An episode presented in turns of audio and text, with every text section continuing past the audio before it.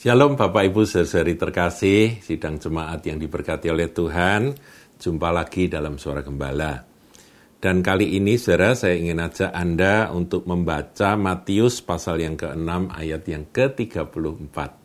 Sebuah ayat yang eh, sering kita baca saudara ya, sering kita dengarkan juga dalam eh, pembahasan-pembahasan firman. Sebab itu janganlah kamu khawatir akan hari besok tidak boleh khawatir akan hari besok.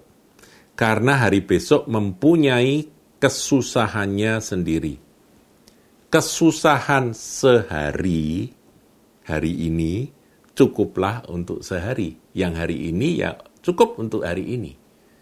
Nggak usah khawatir akan apa yang akan terjadi besok. Memang ini hubungannya itu tentang khawatir apa yang besok aku makan, besok aku minum, besok akan aku pakai itu apa begitu ya. Kalau sekarang uh, uang menipis dan habis hari ini, terus besok nanti makan apa begitu, uh, hubungannya memang seperti itu. Tetapi saya ingin ngajak saudara untuk lebih luas lagi memahami akan satu ayat ini. Matius 6 ayat yang ke-30 empat ini kita dalami lebih luas. Di situ dikatakan, jangan kamu khawatir akan hari besok. Apa sih yang mengkhawatirkan kita tentang hari besok? Selain makanan, minuman, pakaian. Kalau masih punya tabungan, masih bisa makan, berarti besok nggak khawatir kan. Tapi besok itu bukan besok besok pagi, artinya benar-benar kalau hari ini eh, hari Senin, Selasa nanti bagaimana? Itu kekhawatiran satu hari setelah hari ini ya, the day after gitu. Tetapi besok itu juga bisa besok tahun depan, 10 tahun ke depan. Saudara kita ini kan tidak tahu hidup kita ini berapa lama yang punya hidup kan Tuhan. Bisa hari ini kita masih berbicara besok sudah dipanggil pulang oleh Tuhan ya. Bisa kan? Jadi kita sebetulnya nggak perlu mengkhawatirkan akan hari esok. Tuhan ngajari kita untuk kekhawatiran sehari cukup untuk sehari kesusahan sehari cukup untuk sehari. Hadapilah kesusahan itu hari lepas hari. Jadi kalau hari ini ada masalah hadapi yang hari ini yang besok itu nanti ada urusannya sendiri jadi kurun waktu yang Tuhan berikan untuk kita itu bergumul itu sebetulnya hanya untuk satu hari. Bahkan dalam doa Bapa kami kan, kan dikatakan, berilah kami makanan kami yang secukupnya pada hari ini. Ya, our daily bread. Jadi yang hari ini, berilah kami makanan yang secukupnya hari ini. Nah, demikian saudara, kita memahami tentang tentang apa yang menjadi kekhawatiran itu, apa yang menjadi kesusahan yang harus kita hadapi itu, kita permudah, pergam, apa itu, kita sederhanakan dengan hari ini kita hadapi. Besok ada urusan besok.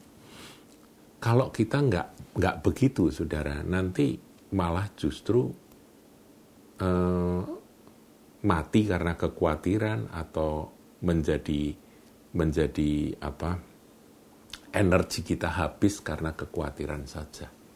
Kita belajar untuk hidup hari demi hari. Termasuk saudaraku ya, termasuk bagaimana aku menghadapi hari esok. Apakah hari esok itu aku bisa tetap setia pada Tuhan, bisa tetap mengasihi Tuhan. Sudah nggak usah dipusingkan hari ini kasihilah Tuhanmu. Hari ini setialah kepada dia. Hari ini sembahlah dia.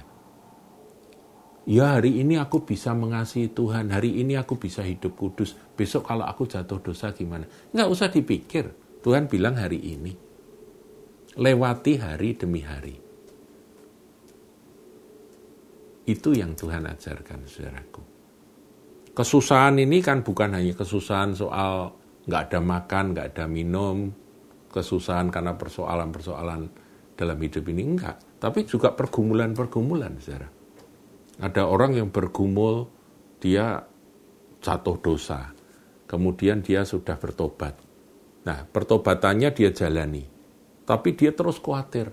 Sekarang aku bisa, hari ini aku bisa, terus besok nanti kalau aku jatuh lagi gimana, dan sebagainya. Nah, yang seperti ini pun juga harus kembali kepada prinsip Tuhan. Lewati hari demi hari. Dengan demikian nanti saudara akan jadi Alkitabiah, saudaraku ya. Praktek hidup kita ini Alkitabiah. Jadi kita lewati hari demi hari. Seperti orang makan hari demi hari, besok lapar lagi, ya besok makan lagi, begitu. Hadapi hari demi hari. Ada urusannya. Tiap hari itu ada urusannya.